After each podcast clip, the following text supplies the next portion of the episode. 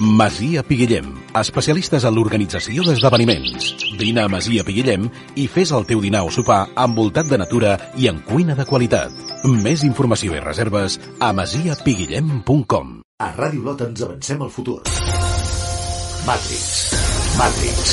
Un programa per descobrir les últimes tendències tecnològiques i totes les novetats en xarxes socials i aplicacions informàtiques. Matrix. A Matrix sabràs com et comunicaràs a cada moment. Si vols descobrir-ho abans que ningú, escolta Matrix, a Ràdio Lot, amb David Gené. Matrix.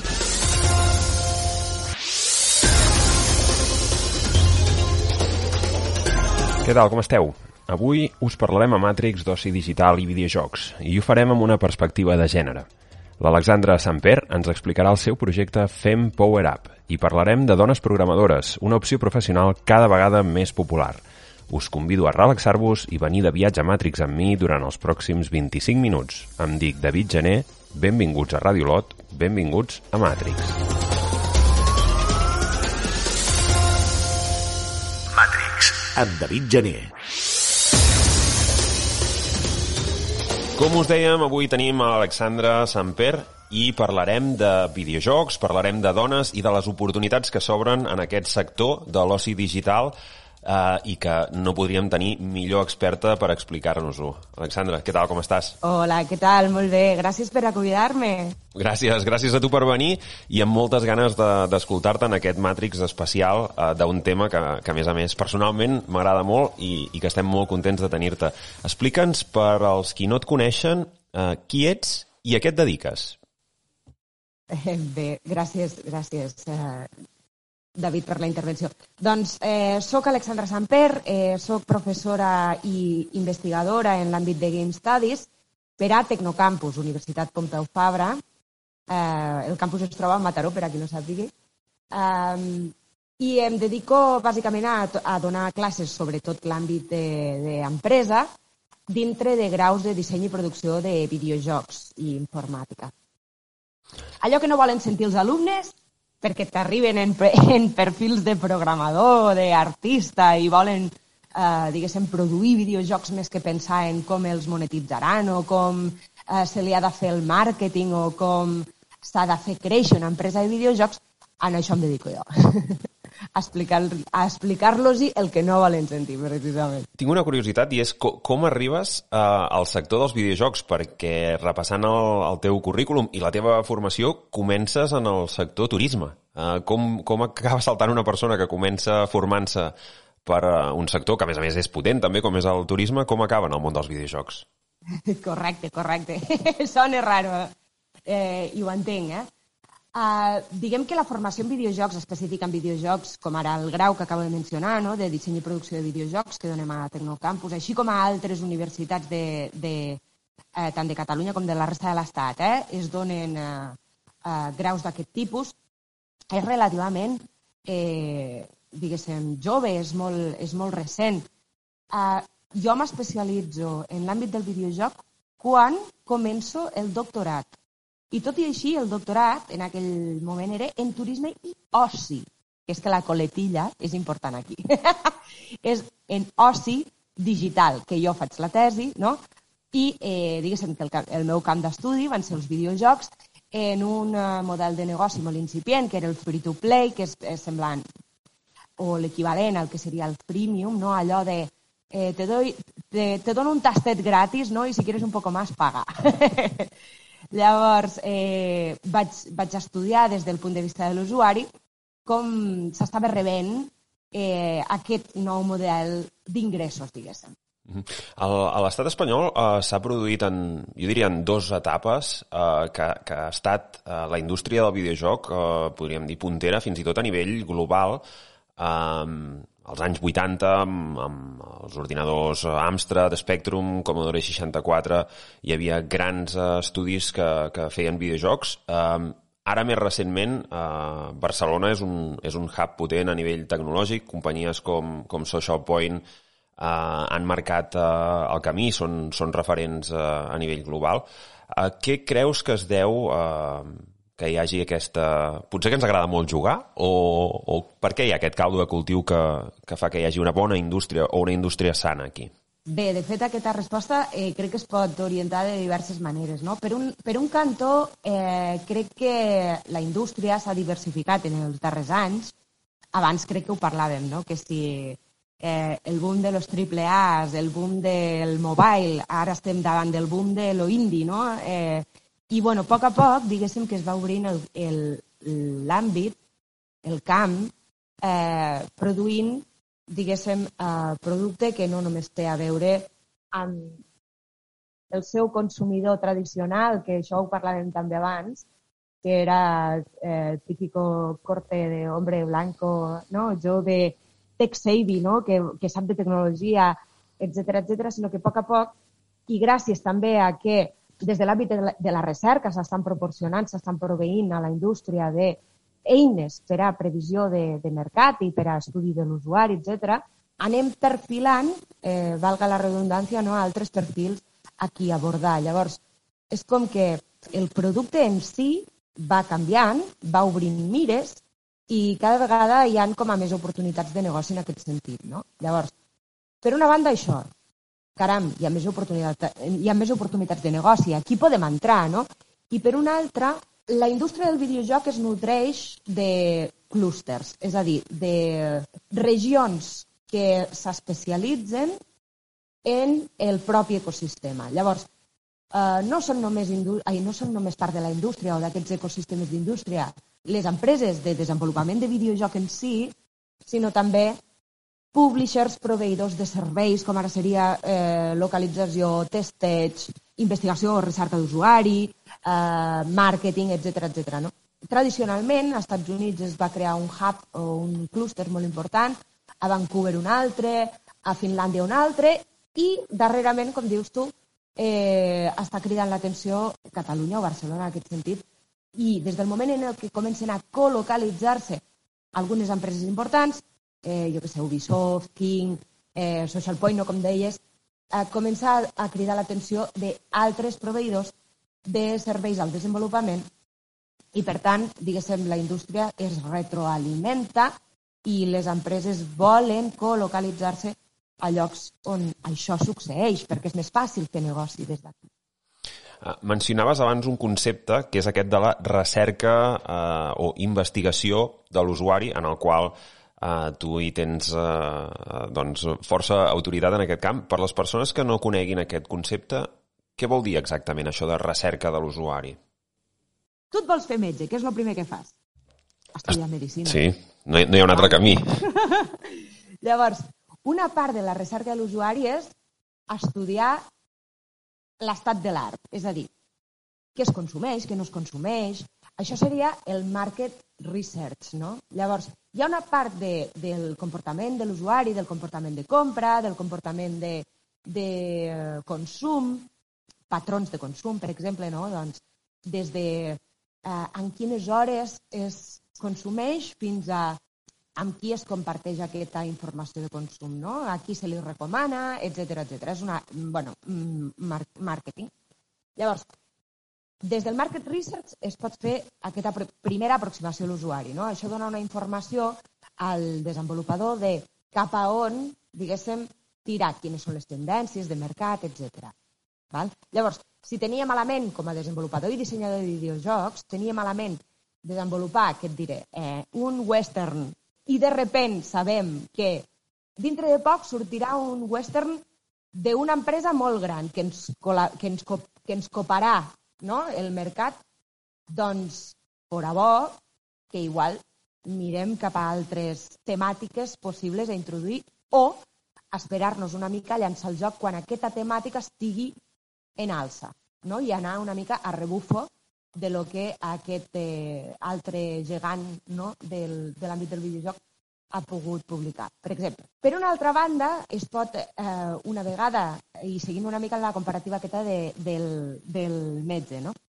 Tu ja has estudiat medicina, ja saps de l'àmbit, ja saps del camp, ja saps les noves, diguéssim, tendències, eh, etc. No? Ara tens en un primer pacient davant teu. Què li fas? Ostres, uh, bé, doncs prendre-li prendre, -li, les constants, segurament, no? Veure uh, la fase de diagnòstic. A vostè què li passa? Exacte. I què li preguntaràs? Doncs una mica per l'historial, no? O sigui, què és el que... Eh, les patologies que ha tingut abans, eh, la seva família, no sé si, si hi ha alguna qüestió que pot ser hereditària. Eh, li faràs una mica de, eh, com es diu, eh, palpar, no? De, de, sí, el fonendo, auscultar-lo una mica. Exacte, d'auscultar-lo i, i per a què? Per a treure un diagnòstic, no? Doncs, eh, continuant, diguéssim, amb aquesta, amb aquesta metàfora, dintre de l'àmbit de la recerca, un pot investigar l'usuari en aquest nivell, no? Te'n vas a les comunitats online, veus com respiren, veus què diuen, veus què han dit de jocs anteriors similars al teu. Eh, fas una mica de diagnòstic de com, de com es respira, de què és important, de quines són les seves aspiracions, les seves necessitats, etc. Segueix sent eh, més proper, diguéssim, a l'àmbit del màrqueting, però ja està una mica a cavall, no? ja estem parlant de qüestions més concretes sobre eh, que afectaran després el disseny del meu joc. Per exemple, volem introduir una mecànica eh, de navegació, val? i de repente em vas a buscar eh, això, les comunitats, seria una mica eh, una recerca més qualitativa en aquest sentit, no? Te'n vas a buscar una mica de les comunitats i veus que a jocs anteriors la mecànica de navegació s'ha fet pesada, els controls no sé què, mm, al cap de l'estona mareja, bla, bla, bla, doncs ja saps que si has d'introduir una mecànica de navegació ha de ser curteta, ha de ser... Ja te'n vas una mica a decisions de disseny que van al detall de característiques, se li diu features en eh, l'àmbit del videojoc, característiques concretes que ha de tindre el teu joc, no? I, i d'aquesta manera afecten doncs, al disseny del videojoc. Inclús un joc pot estar eh, llançat al mercat a un tant per cent de desenvolupament i el que fas en aquesta fase de user research és veure com respira, eh, com respira l'usuari. Doncs mira, eh, hi ha objectius que has ficat que no es poden complir. Doncs eh, allargues una mica el que és la, eh, la data, diguéssim, de, de, el deadline d'aquest objectiu, per exemple. No? I llavors, finalment, hi hauria, hi hauria una tercera forma d'estudi d'usuari que és, se li diu UX, experiència d'usuari o usabilitat. Llavors és, eh, continuem amb la metàfora del metge, tu ja tens en aquell, eh, en aquell pacient no, que ha provat eh, la dosi de mm, el que li hagis receptat i et torna. Llavors què fas? Et torna, et torna a vindre què tal com anem? Millor, no? Exacte. Com ha provat, si t'he d'augmentar la dosi, si t'he de canviar un, com es diu, eh, una marca d'un medicament per un altre, si han hagut efectes secundaris, jo què sé, no? I el que fas és ajustar. Molt bé, doncs aquesta fase, diguéssim, de recerca d'usuari seria d'ajustament. És quan el, eh, tens l'usuari ja jugant al teu videojoc i de repent caram, passa per un, per un lloc on ha de fer alguna important i ni tan sols veu aquella zona on havia de, de detindre's. Això, a través de la telemetria, per exemple, es pot traquejar, es pot fer un seguiment de eh, com li prova el joc, si s'encallen molt, per exemple, en un lloc determinat, etc etc i es fan ajustaments d'aquest tipus. Llavors, això se li diu UX, UX, no? User uh -huh. Experience. Alexandra, m'està entrant complexa de hàmster. A mi m'agrada molt jugar a videojocs, però no tenia la sensació que quan estic jugant eh, algú estigui eh, mesurant aquesta telemetria i, i mirant si faig una cosa, si faig una altra, si desbloquejo algun objectiu, si vaig per un costat, per un altre. Realment eh, els usuaris estan com a molt monitoritzats, no? Sí, també depèn, eh? Um, per exemple, aquest tipus de monitoreig es pot fer a porta tancada. És a dir, eh, juntes gent que testeja, es diuen així, testejadors, gent que testeja videojocs eh, abans del llançament, per exemple, i s'aplica la telemetria només en aquella fase. Com pot ser que no? Pot ser que, eh, per exemple, mobile, eh, tot el que és eh, aplicacions mòbils, Esa es la típica notificació que tot el món le acceptar sin leer los, las condiciones de uso, ¿no? El que precisament està demanant és eh, en moltes ocasions, precisament, que li cedeixis aquest tipus de dades de comportament dintre de la, de la app, no? dintre del joc, a l'empresa que l'està desenvolupant. Llavors, es recullen el que es diu KPIs, que són Key Performance Indicators, indicadors de claus de, de comportament, i que els hi permeten ajustar doncs, no només a aquesta sèrie de qüestions que estem dient, sinó, i en la seva majoria, comportament de compra. De si està, per exemple, eh, un micropagament, jo ofereixo dintre de la meva, del meu joc, de la meva app, eh, eh, poder crear un restaurant no? i portar-lo portar, com a gerent. I de repent, això és gratuït, però et faig pagar per eh, ficar una màquina de Coca-Cola dintre del bar. Vale. Telemetria, això es paga? Això eh, es, es recomana, per exemple, dintre l'aplicació? Això és eh, aquest tipus d'informació que és clau per saber si fiquem o no fiquem aquesta màquina de Coca-Cola, com dic, gratuïta i li fem pagar l'esponsor en comptes de l'usuari, no? Uh -huh. O, per exemple, no? seria, seria una opció. O creem o no creem ítems d'aquest tipus per a que es, es consumeixin. Perquè si es paga, es paga. Si no es paga, no es paga. No? Amb, amb això em recorda una conferència que vaig estar fa, fa uns anys de la, bueno, un dels executius de King. King és la companyia que hi ha a darrere d'un joc que segur que els nostres oients coneixeran, que es diu Candy Crush, que és el famós joc de fer de posar els carmelets en línia i anar passant nivells. I ell en aquesta conferència explicava com entre cometes o sense cometes, jugaven amb la psicologia de l'usuari. És a dir, quan tu passaves de nivell, la primera vegada que jugaves al nou nivell, t'ho posaven difícil però accessible.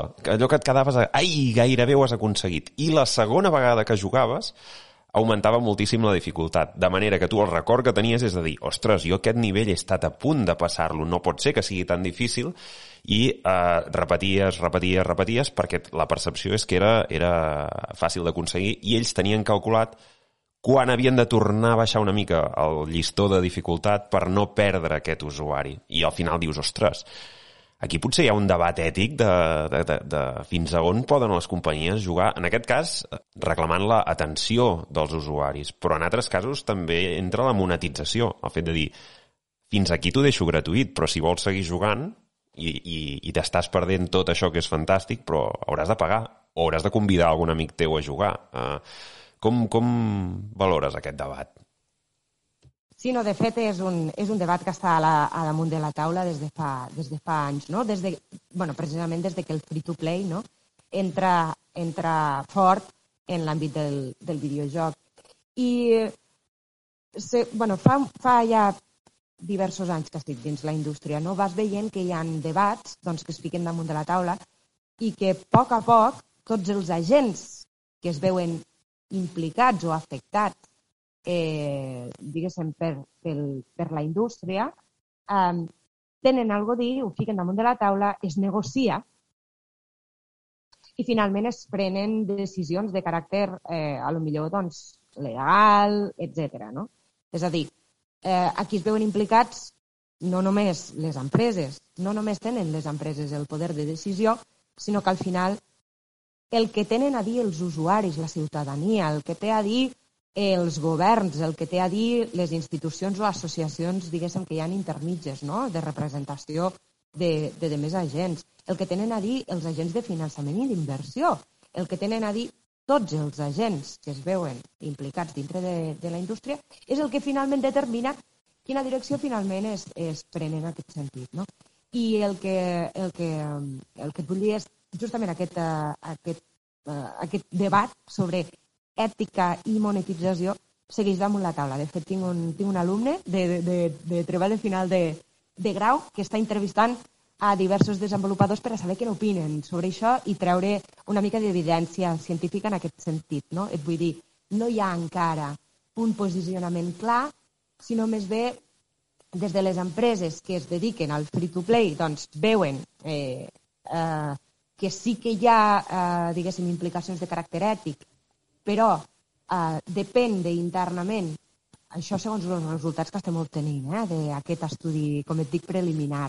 Mentre les empreses que sí que es dediquen al free-to-play el que, el que detecten és tenir que interposar-se decisions, però moltes vegades es troben eh, forçats a introduir unes mecàniques unes altres si tenen a lo millor un partner que ha ficat els diners damunt de la taula per a que allò sigui possible i els pressiona per a introduir doncs, una mecànica o una altra de monetització. Per una altra banda, tots aquells eh, entrevistats, que de moment, ja dic, són pocs, eh, però que formen part d'empreses que tradicionalment no han adoptat aquest eh, sistema de monetització, sinó que fan pagar per, per eh, producte, és a dir, jo creo el producte sencer, el fico al mercat i el pagues un sol cop. En això se li diu pay to play, no? pagar per jugar. I per avançat. Doncs tots aquests estan radicalment en contra no, del, del sistema free-to-play en general, mentre que els, eh, els que sí que, eh, diguéssim, interposen aquest sistema de monetització detecten que hi han certes mecàniques o certes decisions sobre les mecàniques de monetització que sí que, que, que entren a debat dintre del propi estudi i que es prenen decisions al respecte, com dic, moltes vegades eh, forçats per un tercer, no? per un, eh, per, pel que opina un tercer. Uh -huh. Uh, el que està clar és que el sector de, dels videojocs, o si l'extenem, l'oci digital, és una cosa que amb, amb 25-30 anys ha passat de ser una cosa que era, abans érem quatre friquis, ara realment és un tema amb un impacte a la nostra societat molt important. I parlant d'impacte a la nostra societat, m'agradaria parlar d'un altre projecte que és aquest projecte Fem Power Up, eh, que és una, una incubadora amb perspectiva de gènere. Eh, Explica'ns, Alexandra, què és aquest projecte. Una incubadora en si, per a ficar una miqueta, eh, diguéssim, en context, és eh, un programa on equips que saben desenvolupar videojocs entren durant un temps determinat, fica-li 6, 8, 10 mesos, no? i durant aquest temps es desenvolupa el que se li diu una vertical slice, que és una demo a molt alt nivell de qualitat que tu després portes a inversió.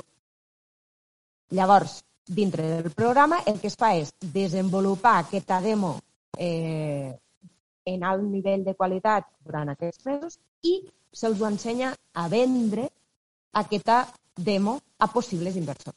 Llavors, surten els equips preparats per a tindre aquesta conversa no? per a captar diners per a la resta del desenvolupament del joc en possibles inversors, que habitualment dintre de l'àmbit del videojoc se sol recórrer al que se li diu el publisher, que és pues, l'editora, el que vindria a ser la cinematogràfica dintre de l'àmbit del cine, la discogràfica dintre de l'àmbit de la música, doncs el publisher és l'editor que porta a mercat els videojocs que desenvolupa el desenvolupador, per entendre'ns. Deies que, que, que està pensat per equips, és a dir, a tall individual mm, no, no, no pot apuntar-s'hi una persona individualment o, o poden venir diverses persones i, el, i feu vosaltres després l'equip? Bona pregunta. Quan habitualment a la resta de eh, incubadores ja s'entra amb una petita demo, un, un producte mínim viable, per exemple, no? i allò s'itera, o sigui, és es produeix fins a la vertical slice, no? fins a tindre un alt nivell de qualitat. Eh, la particularitat d'aquest altre, aquesta altra incubadora, com diem, en perspectiva de gènere, que ara acabaré d'explicar també això, la particularitat és que no et cal equip, no et cal projecte, vine, que tenim eh, una, una activitat, eh, diguéssim, d'entrada, que et permet formar equip. Per què? Té a veure amb aquesta segona coletilla, amb perspectiva de gènere. És a dir, quan habitualment a una incubadora pot entrar pues, qualsevol perfil eh, de dintre de la indústria, en aquesta està especialitzada eh, una mica per política, com es diu, de discriminació positiva. Eh? Està enfocada per a dones, com et dic, en entesa la dona des d'una perspectiva àmplia.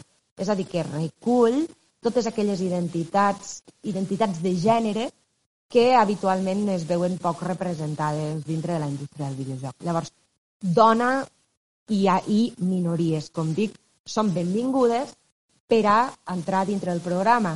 Clar, s'entén que no, no hi ha equips prèviament formats de dones i minories, no? Uh -huh. Llavors, el que muntarem és una game jam. Que... Què és això? Jo ho he vist a la web i, di, i dic que haurem de preguntar què és això d'una game jam perquè sona, sona divertit, si més no.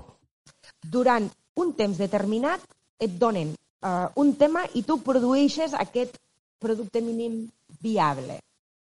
Algo mínimament. Un primer nivell d'un joc o una primera mecànica d'un joc, no? I, com dic, muntarem aquesta Game Jam, vol dir, els ho donarem una temàtica molt transversal, eh, les persones s'adhereixen a, com, com dic, eh, propostes de projecte, propostes de projecte, i durant un temps, que és del 10 al 16 de gener, eh, durant una setmana, no? es dona temps per a crear aquest producte mínim viable. Una vegada el tenim, imaginem-nos que han sortit 10 equips i 10 projectes, doncs entre els que són se'n triaran entre 5 i 7 per entrar a dintre del, del, del programa. I el programa d'incubació comença directament després d'aquesta primera Game Jam, o sigui, la següent setmana començaria el programa i fins a juliol. Caps de setmana eh, els divendres a la tarda i els dissabtes als matins, se'ls hi fa mentories, workshops, eh, monitoreig no? d'aquests de, de desenvolupaments, eh, demo days, que vol dir fiquem en comú com estan no? l'estat dels projectes, els provem entre totes, eh, iterem, és a dir, donem feedback, etc i es segueix produint fins a l'acte de clausura, que és precisament aquesta espècie de pitch publisher, no? O sigui, jo t'ensenyo com si tu fores eh, l'agent d'inversió el, eh, el projecte i te l'explico doncs, com, si fores, com si fores aquest agent. D'aquesta manera surten preparades per a portar a inversió aquest producte. De repent em dius, ei, és que jo no estic interessada en emprendre, no? jo no estic interessada en, a lo millor, crear una empresa arrel d'aquest joc amb les companyes que m'ha tocat. No passa res, és portfoli. O sigui, tu pots ficar dintre el portfoli. Ei, he estat en aquest programa, hem tret aquest producte i jo em vaig ocupar de la part eh, X de disseny de joc, per exemple, no? I eh, el proper contractador teu, la propera empresa i on vulguis estar contractada, el que fa és analitzar la part de disseny d'aquest projecte, que el podem penjar, per exemple, en una eh, plataforma gratuïta. Eh, anava a preguntar això. Uh, queden, queden places. Què ha de fer una persona que ens estigui escoltant i digui això m'interessa? Uh, com, com es pot apuntar? Tenim a la nostra pàgina web que es diu FEM, com de, com de fe i de feminitat, fe, FEM, FEM Power Up. fempowerup.es, no? Allí tenen eh, com inscriure's. Eh? Si van a, a la pestanya Game Jam, tindran totes les instruccions de la Game Jam, si van a la pestanya programa tindran totes les instruccions del programa i baix de tot d'aquestes eh, pestanyes, diguéssim, tenen un inscríbete, doncs en allà. Molt bé. És un sector, sempre ho diem aquí al Matrix, eh, que té una altíssima demanda de perfils professionals que malauradament de les facultats i, i, de, i de programes com aquests no, no donen l'abast de generar nous perfils professionals que puguin cobrir aquesta demanda d'aquestes companyies eh, que parlaves abans, empreses nascudes aquí com Social Point o empreses que s'estan establint eh, amb, que tenen, diguéssim, la matriu a fora però que estan establint oficines a, a, a Catalunya.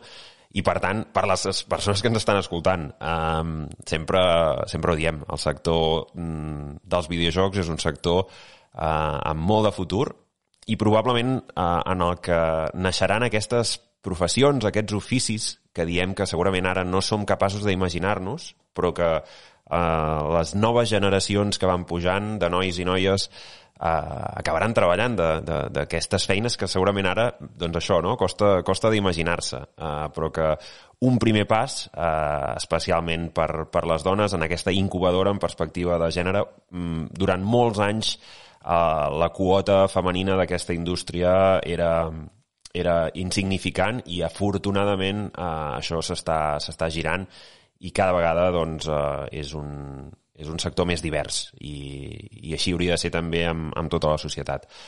Um, plans de futur, perquè no pares. Uh, a part d'això, què, què, més, què més estàs fent? Què més estàs preparant? Eh, a part de la incubadora, estem formant un primer grup de recerca dintre de, dintre de Tecnocampus eh, sobre cultura i tecnologia lúdica i ens hem llançat a crear eh, el primer capítol nacional d'una associació internacional de recercaires, no? d'investigadors en l'àmbit dels Game Studies i ara el dia d'entre el 14 i el 17 de desembre eh, fem la primera trobada. Ens juntem, sí, sí, ens juntem tots els, eh, els recercaires dintre l'àmbit nacional, els investigadors del, de l'àmbit del videojoc, eh, per a presentar-nos, per a crear sinergies entre grups de recerca i per a veure quines són les línies de recerca en aquest sentit. O sigui, em sembla superinteressant, eh, sobretot a nivell eh, de fer avançar conceptualment també eh, la, la indústria, no?, en aquest sentit. Llavors, eh, bé, seguiu-nos a xarxes, digra.es. digra és 21 seria el, eh, diguéssim, eh, el congrés i jo crec que tindrà, tindrà sonada, ja veureu com surten d'aquí coses meravelloses també. Havíem parlat de recerca aquí al Matrix en temes de biomedicina, en temes d'arquitectura uh, ecològica, però no havíem parlat mai de recerca en el món dels videojocs i com, com escolteu, uh, també en aquest sector, també en aquesta indústria, la recerca és un, és un dels motors que l'està fent créixer i, i avui n'hem tingut al Matrix una autèntica experta. Alexandra Samper, moltíssimes gràcies per acompanyar-nos al Matrix avui. Gràcies a vosaltres per la invitació, David, de, de veres que Merci. El nostre episodi d'avui s'acaba aquí. Han estat 25 minuts de viatge a Matrix amb Alexandra Samper. Abans d'acabar, us recordem també que podeu contactar amb nosaltres a l'adreça del programa matrix.volcanic.cat i que podeu escoltar els anteriors episodis des del servei de ràdio a la carta de la web de Radio Lot, radiolot.cat i des dels directoris més populars de podcast, Spotify, Apple, Google Podcast, iVox... Fins aquí un nou capítol de Matrix, un agraïment per la Modena que ha col·laborat en la producció del programa i també els companys de Ràdio Lot per acabar de fer la màgia necessària per fer-lo sortir en antena. I recordeu, ja queda menys pel pròxim Matrix amb nous personatges i noves històries del món connectat en el que vivim. Avui, però, desconnectem.